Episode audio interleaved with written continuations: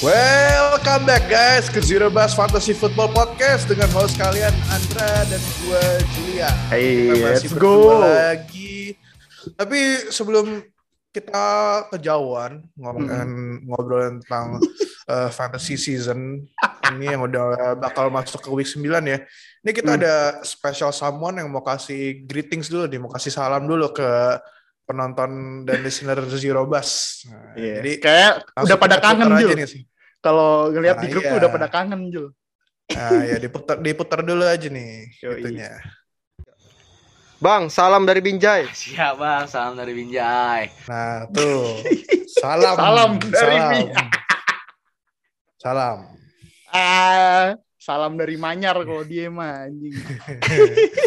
Ya, jadi Alvin masih belum bisa ikutan em, karena ya dia masih ada hal-hal yang harus dia lakukan lah. Jadi makanya dia masih belum ikutan.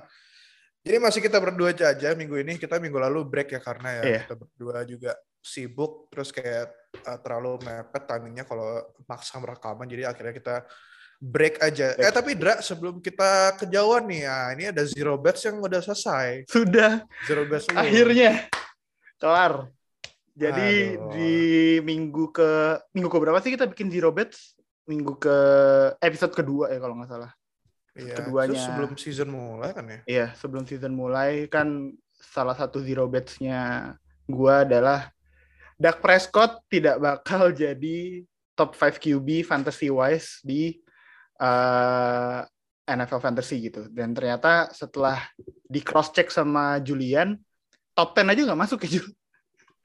Em, enggak karena ya dia nggak nggak main kan minggu ini. Iya sih. Tapi eh bar- berarti kan dia kan maksudnya barely screeching the top 10 gitu kan. Barely reaching the top 10. Padahal kalau ngelihat cara dia main in real life, cara dia eh, game-gamenya Cowboys tahun ini, dia bisa dibilang salah satu top 5 MVP candidate mungkin. Atau ya mungkin come- comeback player of the year gitu. eh, Prescott mainnya. Tapi ya ini kadang-kadang abnormalnya fantasi gini sih. Eh, dia pemain yang performnya bagus, konsisten, eh, selalu oke, tapi nggak translate juga gitu jadi fantasy point. Prescott nih salah satunya nih. Dia ini Dra top top 15 aja enggak Top 15 nggak? enggak. Ya. Ya karena dia udah berapa ya? Dua game ya dia nggak main ya. Iya. Eh satu baru tak baru Dua kemarin. minggu dia nggak main karena minggu dua lalu kan dia bye. Iya. Eh di week 7 dia bye. Week 7 dia baik. Nih eh, kemarin kan Cooper Rush yang main. Jadi Ya. walaupun kalaupun dua itu nggak ada mungkin mungkin mungkin top 10 tapi di bawah sih kayaknya. Nggak Hmm, nggak masuk ke top 5 gitu. Eh iya. lihat ininya dulu deh. Average fantasy point-nya dia tuh berapaan sih, Jul? Di si Dak Prescott? Average ya.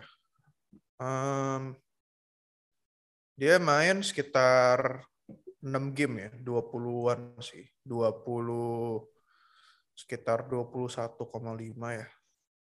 Hmm. Sebenarnya nggak begitu jelek ya. Average. Tapi Ya bagus. Cuman dia jatuh. un- Unfortunate aja. jatuh di Chargers, Jul, ternyata, Jul. Iya, 7 7,5 poin. Nah iya itu sih, dia jatuh di situ. Terus eh, sisanya ya konsisten sih, 27, 20, 20-an gitu. Hmm. tetap konsisten cuma ya jatuh di satu game mungkin kalau dia kemarin healthy pas lawan Vikings kemarin terus dia belum bye mungkin top 10 di dikit-dikit nyondul top 5 gitu bisa cuma ya satu performance jelek nge ngebikin gua menang zero bet sama Dak Prescott Gak jadi pakai topi Cowboys gak apa gak jadi. Tapi ini sih kayaknya untuk masuk top 10 pun susah deh karena QB di atas dia tuh poinnya gede-gede banget.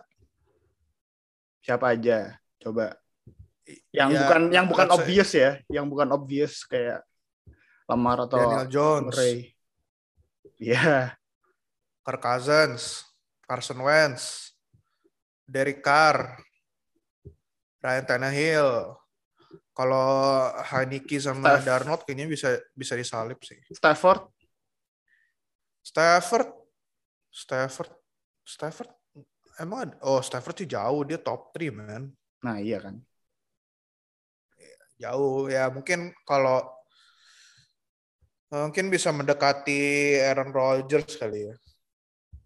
Ntar kalau ya inilah kita baru bisa lihat pas semua tim udah bye kan ini kan si Hmm. ya, Prescott soalnya udah udah bye sama dia nggak main sekali karena cedera jadi ya dia ketinggalan dua game lah istilahnya dibandingkan lain gitu. tetap aja sih a bet is a bet kan tetap aja menang win is a win lah Iya kan gue tetap kan tetap emang bilang zero betnya sampai week 8 jadi ya Iya. ya emang bener. Iya. udah ya you you win lah. Tapi sebenarnya secara performance ternyata dia bisa comeback jadi QB yang sebelum dia cedera sih. Hmm, ternyata. Cow- Cowboys offense Dan- ngeri ngeliatnya. Kemarin sama Cooper aja masih lumayan oke ya Cooper sama Iya. si Dilem tetap produktif. Mm-mm, makanya. Eh, scary season di Dallas. Di power rankingnya beberapa analis Cowboys tuh ada di top 3 bahkan ada yang naruh di satu. Stephen A kalau nggak salah naruh di satu. Iya. Ya lumayan inilah. Maksudnya emang offense-nya eksplosif banget. Terus juga defense-nya lagi main bagus. Si ini Trevon pro- properti panas pak kalau di fantasi sih. Fantasi Iya, IDP di ya. IDP ya. Ah, ah. tapi Kan- dia kemarin nggak dapet pick sih. Iya. Streaknya kelar kemarin apa minggu lalunya ya? kelar kelar kemarin kan? kemarin. Iya kan? Streaknya kelar kemarin. Tapi emang dia kan ini kalau nggak ngasih kalau nggak dapat pick dia keburn sama receivernya. Allow yardage-nya selalu Iya. selalu gede kan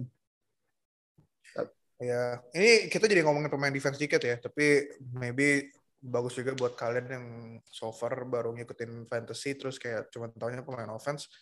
Si Trevon Diggs ini kan um, cornerback-nya Cowboys ya, Cowboys. second year, terus dia juga juga adanya Stephon Diggs gitu.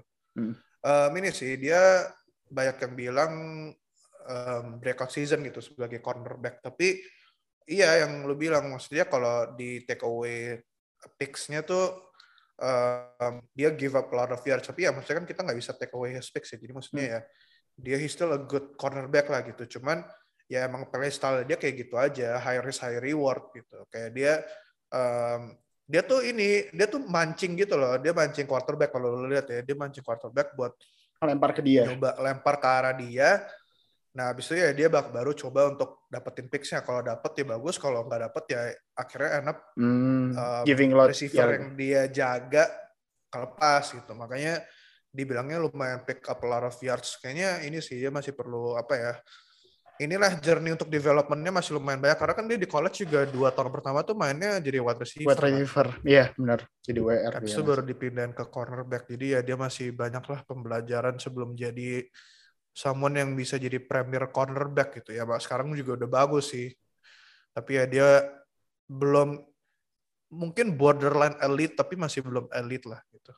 Tapi kalau bukan dia bisa belajar jadi belajar lock jadi lockdown cornerback Nah, iya. sih wah gila sih serem sih. serem itu makanya sekarang belum belum lockdown corner cuma eh, he's getting there buat apalagi kalau buat fantasi ya picks kan dapat dua poin kan terus dia pick six-nya tuh udah dua dua apa satu gitu gue lupa. So eh, produktif buat pemain fantasi.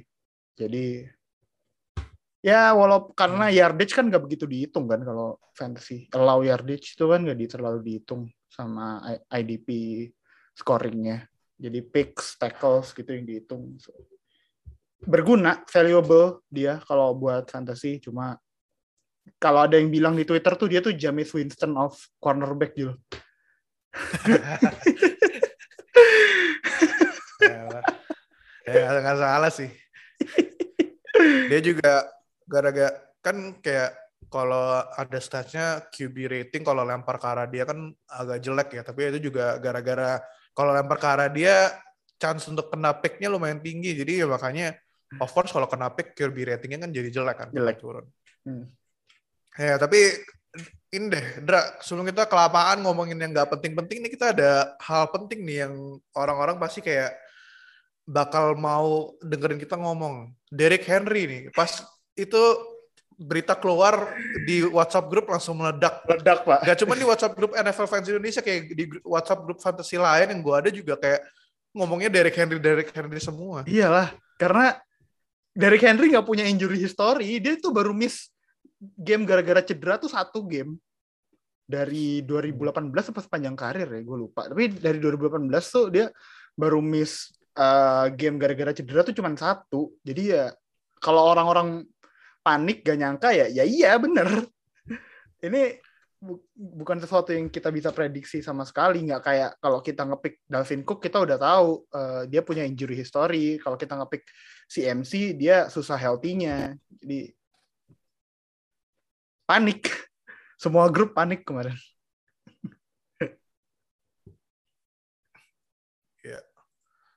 Ini sih yang aneh juga kayaknya kita sempat ngomongin deh di di itu juga di episode kemarin kan. Bercandaan doang sih kayak Apa? oh ya it's about time gitu dia cedera. Enggak. Kayaknya gue gue berasa ingat gue ngomong gitu deh. Gue cuma mau ngeliatin, gue cuma mau ngeliatin tweet ini aja sih ke layar. Satu lagi dari uh, orang yang tidak datang hari ini. Salam dari Binjai Ah, dari Binjay yang bilang yang diru yang di yang dirubuhin bukan pohon pisang tapi Derek Henry. dari Henry dipukul cedera anjing emang. Aduh, gila sih. Sekarang sekarang dia Ya. lagi ini Jul. Dia lagi nge-tweet tuh kemarin Cooper Cup sama Jonathan Taylor Jul. Iya, bangke. Jonathan Taylor tuh apa ya? Acuan gue di Liga 6. Gacuan lu mah Kenneth Gainwell.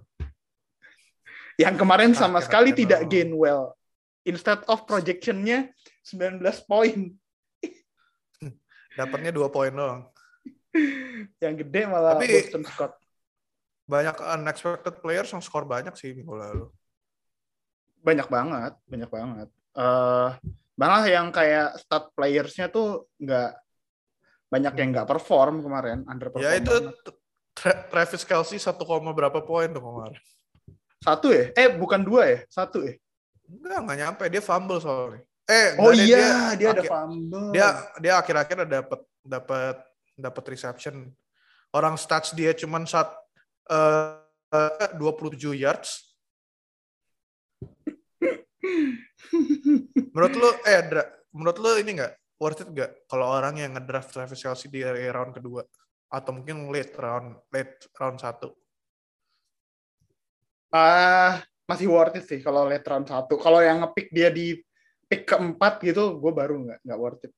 Nah, Kan ada tuh beberapa orang yang ngepick dia kan di pick Iya. eh, top 5 kan. Nah, itu agak agak enggak sih. Tapi kalau di late round 1, early round 2 tuh production dia masih oke, cuma ya kemarin fluke aja sih. Sama nggak ada yang nyangka Mahomes jelek kayak gini kan pas awal musim. Iya. Ini Mahomes eh, ya secara fantasy masih oke sih tapi ya maksudnya kayak Chiefs pemain-pemain Chiefs tuh secara fantasy jadi nggak se-eksplosif Iya. dua musim belakangan ini ya. Dra, tapi gue mau nanya deh tentang masih related ke Derrick Henry. Jadi menurut lu ya, siapa nih yang perlu di pick up kalau lu sebagai Derrick Henry owner? Adrian Ambil- Peterson atau Jeremy McNichols? ambil McNichols dulu buat week ini, week 9. Tapi buat week 10 siap-siap Adrian Peterson yang banyak. Mari. Week Minggu ini lawannya 9 Rams loh. apa? Minggu ini lawannya Rams. Iya, ambil aja dulu kan McNichols. tapi nggak buat di start. week 9.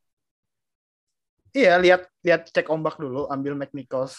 Eh, lihat snapnya berapa. Eh, soalnya tapi sebenarnya kalau buat week 10 gua rasa Adrian Peterson yang bakal lebih banyak dapat volume atau at least bakal 50-50 lah sama McNichols udah udah mulai 50-50 kalau buat uh, minggu ini kayaknya McNichols masih megang peran lebih banyak karena Pat Peterson masih harus learning the playbook of the Titans segala macam kan. Jadi uh, mungkin belum belum oke lah buat uh, di buat Peterson start di minggu ini. Ter- terkesan dipaksain dari Titans juga kalau kayak gitu. Hmm.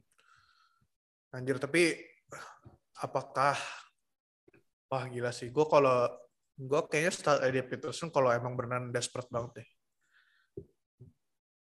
Gue gue berarti desperate dong. Iya sih, gue ngambil Adrian Peterson tuh jatoin siapa ya Jamal Williams. Iya, soalnya emang ya Allah running back gue udah tinggal Melvin Gordon yang safe pemain paling safe se NFL fantasy Melvin Gordon selalu di atas 10 Hmm. terus Chase Edmonds tapi kalau tadi ya eh, yang gue takutin buat lawan Rams ini nggak relate ke fantasi tapi mungkin hati-hati aja kalau punya Mike Nichols sekarang depannya kan Aaron Donald sama Von Miller kan Iya. Anjir. Ya, I don't know sih. I don't know how impactful Von Miller can be ya. Tapi maksudnya dia bakal kebantu banget sih dengan adanya Aaron Donald gitu. Meanwhile, dia kemarin di Broncos kan kayak sendirian basically yang Hmm. mencoba jadi pass rusher karena Bradley Chubb cedera lagi kan. Ya, kayaknya dia bakal main deh minggu ini. Karena kan di trade-nya hari Minggu ya.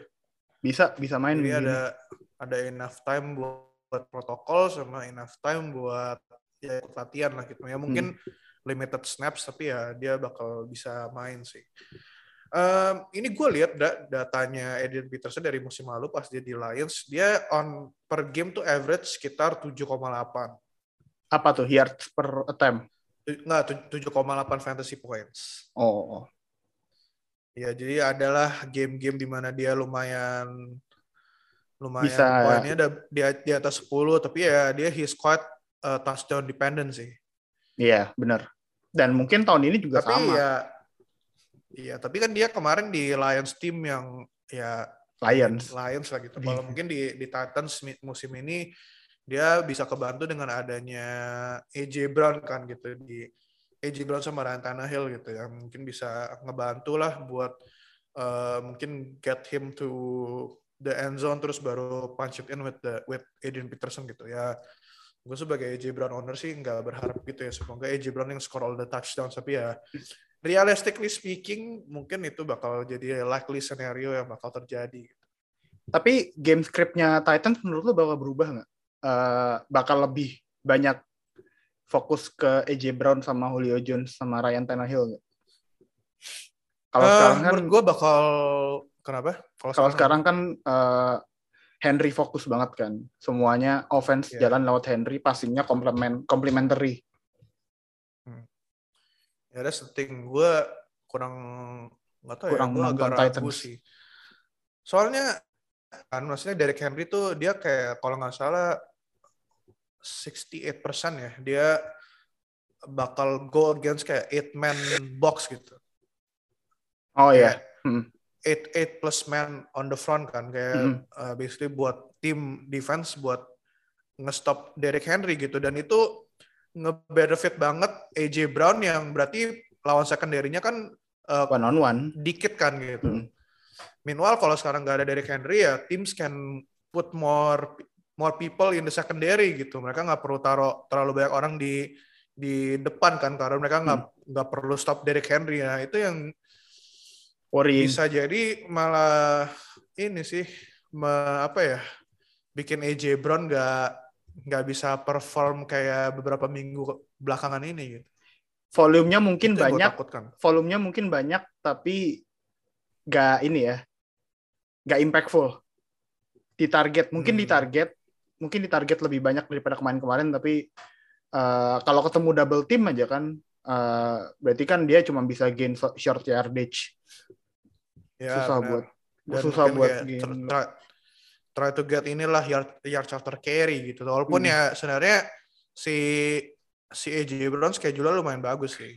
Habis minggu ini lawan lawan Rams bakal lawan Saints itu agak susah juga tapi habis itu lawan lawan Houston habis itu lawan Patriots sebelum bye week habis itu lawan Jacksonville. Hmm. Jacksonville, Steelers, 49ers, Dolphins. Ya lumayan. Ya lumayan lah itu. balance lah balance iya balance nggak nggak terlalu susah nggak terlalu gampang juga Jadi ya menurut gua tapi mungkin gak ada gak adanya Derek Henry, floor-nya AJ Brown bakal sedikit naik. Ya karena mau nggak mau kan offense mesti lewat dia gitu. iya bener mau nggak mau lebih banyak di Tanah Hill juga. Bebannya lebih banyak di Tanah Hill. Iya, we'll see. I'm still holding on to my AJ Brown sih tapi. Ah, bentar. Buat yang punya Derrick Henry, Jul. eh kan kalau di berita kan 6 sampai 10 weeks kan baliknya kan. Mm. Kok Yang buat Derrick Henry owners mereka masih bisa berharap dia balik nggak sih? Ya banyak-banyakin ibadah aja sih menurut gue. Kalau gue soalnya mikirnya Banyakin ibadah, kasih Gua- kasih apa? ka- kasih ke Saja. amal gitu biar kar- karmanya bagus. gue mikirnya soalnya kalau Titans gak contending buat eh, playoff sampai Derrick Henry sehat, gue Hmm. rasa Henry nggak bakal dimain nggak nggak bakal dimainin season ini sih, bakal di shutdown aja seasonnya. Mungkin kalau udah Ya, sisa misalnya- 14 gitu. Masalahnya sekarang mereka ini, Dra, mereka nomor satu di Iya, AFC South Nomor satu ya. di AFC. dan dan in- di, di di divisionnya tuh leading by three games itu karena di di second place Colts itu rekornya 35. Berarti kemungkinannya Jadi dua, ya, Jul. Berarti kemungkinan dua. Kalau dia udah clinch lebih cepat, ya Henry mungkin diistirahatin buat playoff. benar. Kalau mereka belum clinch, oke mereka bisa maksain Henry main. Kalau udah sama sekali nggak, berarti tiga kemungkinan goblok. Nah, Kalau Henry nggak dimainin sama, eh kalau Titans nggak di nggak clinch playoff sama sekali ya udah Henry nggak main. Enggak, gini gara masalahnya. Itu kan gua, tadi gue udah mention schedule-nya. Nah. It's not that too hard gitu. Iya. Dan Iya, lu lihatlah in division in di, apa in division uh, rivalsnya siapa? Jaguars sama Texans itu udah dua two free wins basically. Empat dong, empat free wins. Ya maksudnya for the end of the for the rest of the season. Oh iya. Iya iya. iya. Kan mereka udah lawan Sekali sekali ya. kayaknya udah sekali-sekali ya. Paling Colts doang yang bisa nggak ini mereka kan, yang bisa deketin Titans buat playoff. Mm-mm. Ya, tapi mereka juga udah main dua kali. Jadi kayak ya coach mau nggak mau mesti berharap uh, Titans uh, kesandung gitu ya. Dengan, Iya. Mungkin dengan hilangnya Derrick Henry mereka berharap bisa ngejar gitu. Tapi ya I don't know man. Um, ya tapi ini sih mungkin apa ya best case scenario buat Derrick Henry owners itu kayak Titans di beberapa game kesandung terus mereka uh, jadi uh, deket-deketan sama coach rekornya jadi mesti mau nggak mau uh, deploy Derrick Henry as soon as possible gitu. Ya Dan- mungkin kira-kira inilah ya Derrick Henry bisa bisa dimainin di pas playoff fantasy gitu. Dan itu juga nggak best case scenario juga. Pasti Henry on a limit snap nggak sih? Kalau kayak gitu. Nah itu makanya. Jadi, Dan inilah maksudnya em, ini apa di deploy juga mungkin bisa cuma buat buat apa decoy gitu. iya. ada Derrick Henry gitu di backfield terus ya ya mau nggak mau mesti taruh 8 8 apa 8 8 atau 9 pemain di di- di front seven gitu. Ya terus kayak play, play action lempar ke AJ Brown ya Eh, dari Henry buat banyak blocker. banyak kayak gitu. Henry buat Iya. blocker aja. Dan- Dan enggak enggak even blocker dia cuma dia berdiri aja gitu. Cuman buat decoy doang. It's not looking very well buat uh, Derrick Henry owners. Cepet-cepet cari pengganti. Gue kemarin lihat TikToknya Fantasy Pros tuh buat message-nya buat Ah. Derrick Henry owners. Mereka sekarang lebih baik fokus nonton basket. eh enggak ja, belum enggak harapan tuh belum hilang. Either ya kalian berharap dia cepat balik atau kalian coba trade aja kayak di liga gua di liga 6 Oh, iya. Henry masih laku.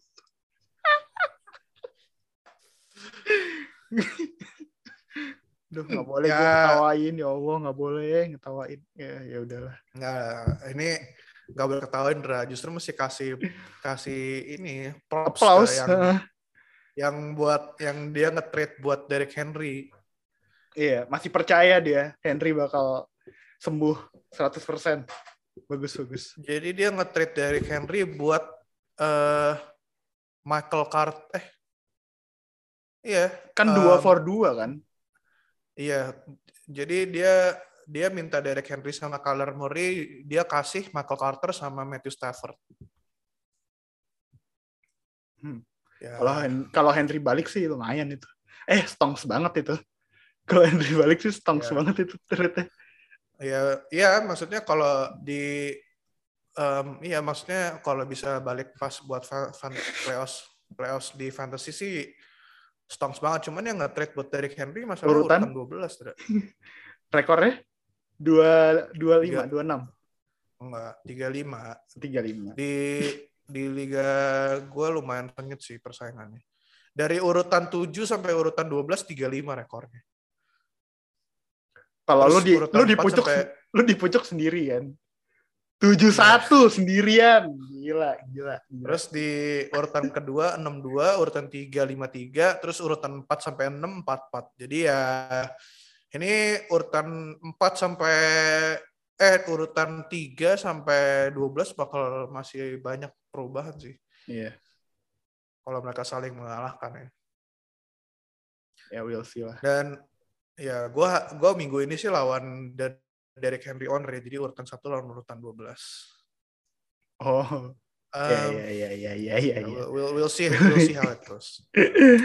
Oke, oke, oke, oke. Satu lagi Jul yang cedera dan gak balik Jul. Beritanya baru aja tadi. Ah, ini beritanya baru keluar kayak kita pas, sebelum rekaman Michael Thomas ya emang udah nggak Hmm. relevan sih season ini. Walaupun Iya. di liga di liga Yahoo gua gua nge-trade buat Michael Thomas beberapa minggu lalu. Si Lamb sama Cortland Sutton gue tuker buat Michael Thomas sama Mike Gesicki. Lu dapet yang mana? Ya, trade. Gue dapet dapet- Mike Gesicki sama Michael Thomas. Bego. Kenapa sih? Eh, tapi Kenapa? wide, wide receiver gue yang lain tuh Justin Jefferson, Devante Adams, Debo Samuel, Chris Godwin. Ini liga ini ya TA ya? Eh, iya ya. Enggak, enggak, enggak beda. Oh, bukan ya. Liga sama sama teman-teman kita lah. Oh, iya ya. Iya. Anjir, di Yahoo. bagus. Jadi Anjir bagus. iya. Makanya gue nggak si Dilam kayak nggak nggak apa-apa gitu. Dan Iya gue juga perlu perlu tight end kan kemarin gara-gara Logan Thomas cedera masuk IR jadi kayak ya udahlah. Terus mikirnya Michael Thomas ada kemungkinan balik ya gue trade aja minta Michael Thomas daripada di drop kan. Best case scenario buat Michael Thomas tahun depan gimana Jul menurut lu? Eh pindah ke Patriots kan kayaknya. Iyalah, iya. Bener. Bener. Eh, tapi tahun depan dia masih ada sisa satu tahun kan? Di Saints. Masih ada ya. Masih ada saya ingat Ya, siapa tahu siapa tahu di trade itu buat buat second round pick. Kan kemarin Mahal banget anjing. buat Moha- buat Anu Muhammad ya? Sanu aja buat Michael Thomas nggak second round pick. Tai. Kemahalan. Eh best case scenario Thomas, best case scenario nya Thomas kayaknya nggak di Saints sih buat tahun depan. um, Di mana pun di mana pun asal bukan di Saints kayaknya. Kayak dia udah males banget juga main di Saints tuh. di di di Chiefs Ya anjir. Tapi kan kibinya fraud, jadi nggak bahaya sih.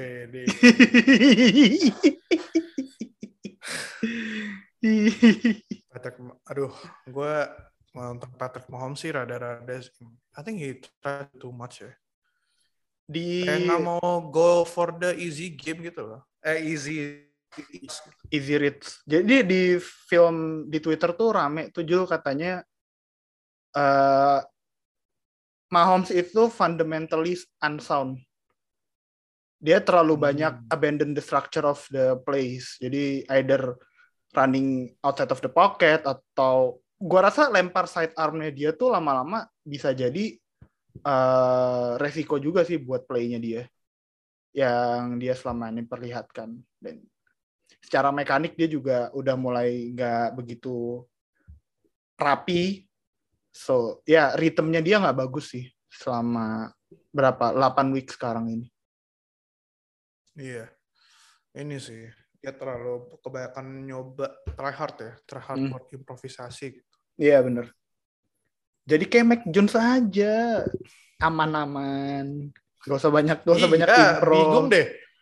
kemarin yang lawan Giants juga kayak Travis Kelsey tuh kayak banyak banget yang kayak yang kayak pas-pas pendek tapi nggak mau dilempar ke Travis Kelsey bingung gue. Iya kan, makanya it's he's, he's trying too much. Nggak tahu apa yang pengen dia uh, proof ke orang-orang ya. Padahal he's, he's he got nothing to prove. Jadi buat apa juga dia improve begitu banyak? Iya. Ya, I mean ini kalau ngomongin di luar fantasy ya the Chiefs ini lagi lagi aneh sih. As a football fan ya lumayan inilah lumayan apa ya gregetan mungkin kali ya ngelihat Chiefs yang for the past two seasons kayak very ya mungkin karena gue fans NFC ya jadi gue gue gregetan gitu lihatnya mungkin kalau lu sebagai fans AFC malah ini ya hore kali ya Betul. Nggak bisa hore juga sih di divisi gue ada Bills jadi sama aja. Nah ya true. And the Bills are looking like the best team in the AFC gitu. Iya. Karena yang jagoan-jagoan awal season di AFC mulai tumbang kayak Broncos gitu. Chargers, juga Chargers. past two games uh, offense-nya kayak mandek banget. Mm-mm. Terus juga Bagus. Browns kayak banyak banyak banyak yang cedera. Ya, yang yang yang ultimately legit sih Bills, Ravens, Bengals, mungkin Well, they just lost to the Jets. iya sih iya. Udah hilang kredensialnya buat jadi tim legit kalau lo kalah sama Jets. Sama gue nggak tahu Raiders. Raiders masih di Raiders tuh 5-2 di divisinya. So, tapi meyakinkan gak sih? Nggak Apalagi convincing itu ya. WR satunya baru baru ya itu. Kasus. Emang masih ada WR1? Enggak tak udah nggak ada sih, udah udah dirilis kan.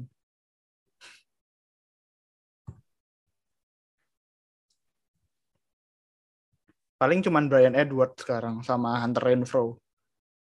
Hunter Renfro sih. Yang paling bisa paling bagus di di, di mana di Uh, Raiders. Brian Edwards mungkin finally bakal dipakai dari quarter satu ya. Mas selama Yang- ini yang kayak yang kayak game pertama aja baru muncul di overtime gitu. iya sih, bener. Bukan Hunter Renfro tapi Jul, malah yang malah bagus. I don't know. Maksudnya ya Hunter Renfro kan floor-nya udah lumayan bagus kan. Iya sih. Gak nambah tinggi gitu ceilingnya. Pas segitu-segitu aja. Ah, highly doubt sih. Kan dia tipe-tipe kayak Cole Beasley gitu ya. Iya. Volume aman Cole tapi nggak dapat nggak dapat touchdown biasanya gitu. Iya, makanya. Salah. Trade deadline Iya. semalam. Tapi nggak ada sesuatu yang begitu Nothing ini. in fantasy relevant sih. Iya. Padahal gue berharap kayak Allen Robinson di trade gitu. Sama anjir. Allen Robinson Ternyata Allen Robinson tuh QB proof tapi dia nggak offense proof. Enggak sih sebenarnya. uh, lu lu kemarin sebelum Ya I don't know, I don't know what the issue is man. sebelum trade deadline lu Allen Robinson ngarepnya ke mana? Ke Packers jelas, ya kan? Enggak lah. Ya, of course any wide receiver gue berharap bakal ke Packers gitu. Tapi ya maksudnya realistically yang lu Misalnya- bisa lihat yang lu bisa lihat bisa afford Allen Robinson gitu. kayak uh, WFT gitu. Tapi ya WFT juga QB-nya agak-agak sih. Siapa ya Saints. tim yang lagi perlu? Oh ya Saints tapi nggak nggak nggak ada cap space sih. Mereka mau kecuali mereka lepasin kayak pemain defense. Eh, mungkin kayak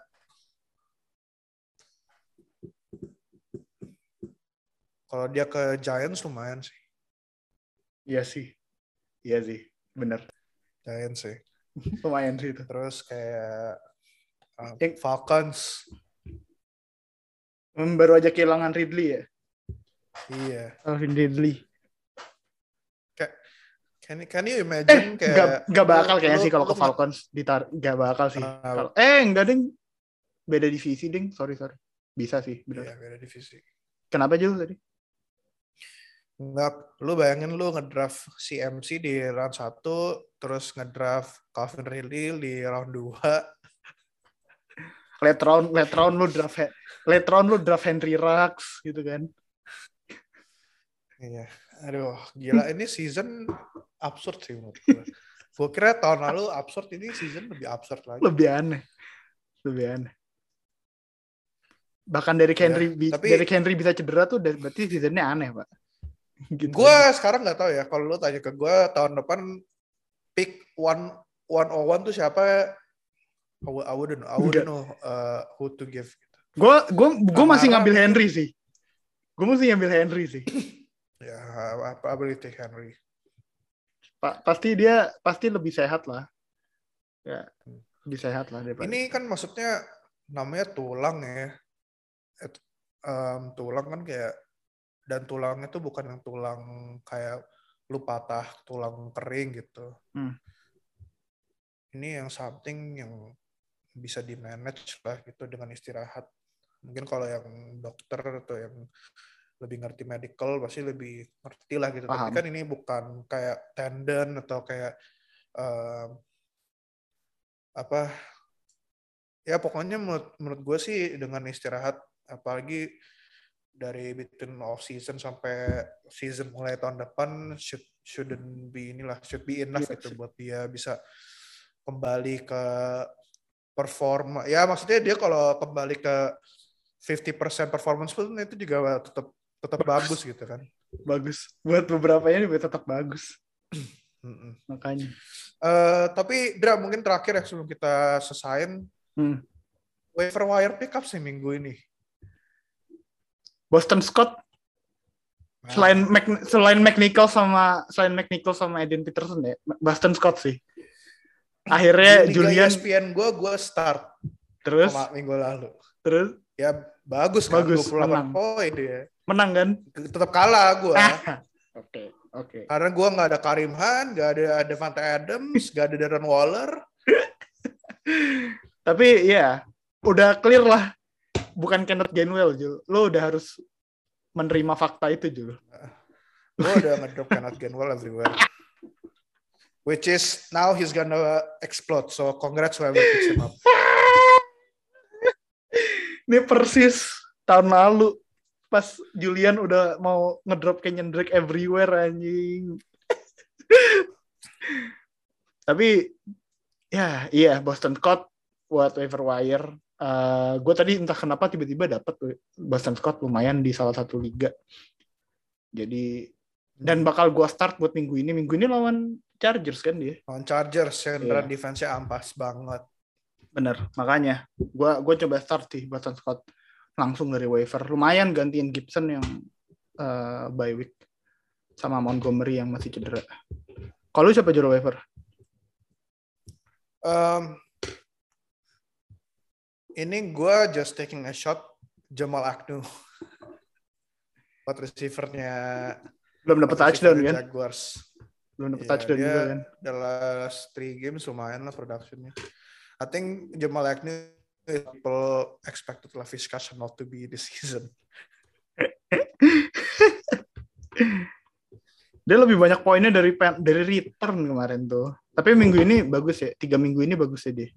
Hmm. Terus kan kayak offensive coordinatornya siapa? Um, Jaguars si Darrell Bevell kan bilang dia kayak um, Jamal Agnew is now one of our team main guys gitu. Hmm. Ya, if you guys can afford it ya pick him up lah. Siapa tahu dapat dapat apa ya? Dapat yang bisa produktif lah gitu. Kalau gue emang gue lumayan desperate di liga ESPN gue jadi ya I picked him up. Tahu Drake gimana, Jul? Boston Scott gitu.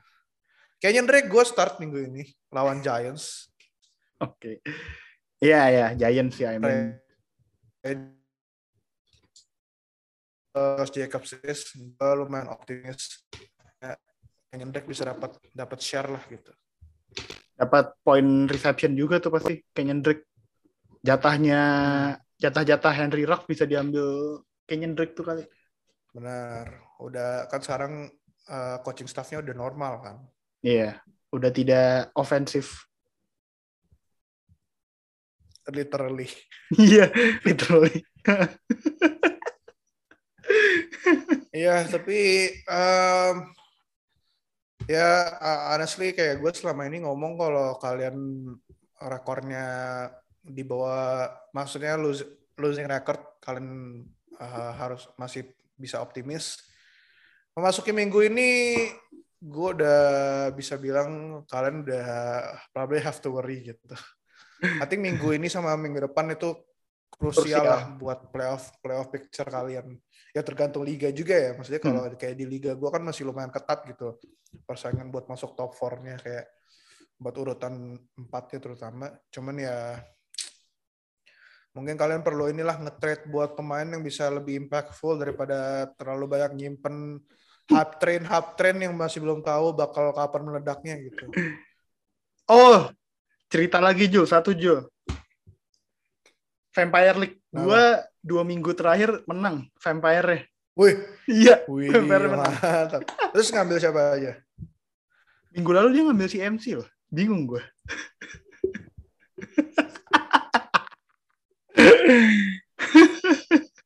Terus, tapi minggu ini dia ngambil minggu ini dia ngambil Stefan Dix. Di lumayan Nah, ke cancel. Dia sebenarnya minggu ini kemarin tuh dia bingung buat yang minggu ini. Eh mau ngambil Stefan Dix atau Jamar Chase. Hmm, Jadi akhirnya yang diambil ya Stefan kenapa Dix. nggak ambil Jamar Chase ya? Kata dia Stefan Dix sudah buy. Jadi ngambil ngambil Stefan Oh Dix. my god. Big deal lah kalau udah buy mah. Apa? Nggak ngaruh kan udah buy atau belum buy. Nggak tahu. Kan penilaiannya dia. Mah ngikut aja kan. Jadi Hmm. kalau gue sih kalau gue jadi vampirnya sih gue mungkin ngambil Jamar Chase juga sih. Kemarin cuman Nah, vlog aja. Kemarin tuh kemarin tuh dia single digit nggak sih ininya? Jamar Chase, Hmm. Terakhir. um, single digit ya. Masa sih? Oh enggak, sorry, Jets? bukan bukan si MC kemarin. Nick Chubb yang diambil. Ngambil siapa? Nick Chubb. Oh, Bagus, enggak. bagus, bagus. Good, good pick lah itu. Bagus. Jamar Chase ya. Ini gue lagi ngecek di liga gue, gue kayak udah lost lose track gitu. Kayak pemainnya tuh ada di siapa.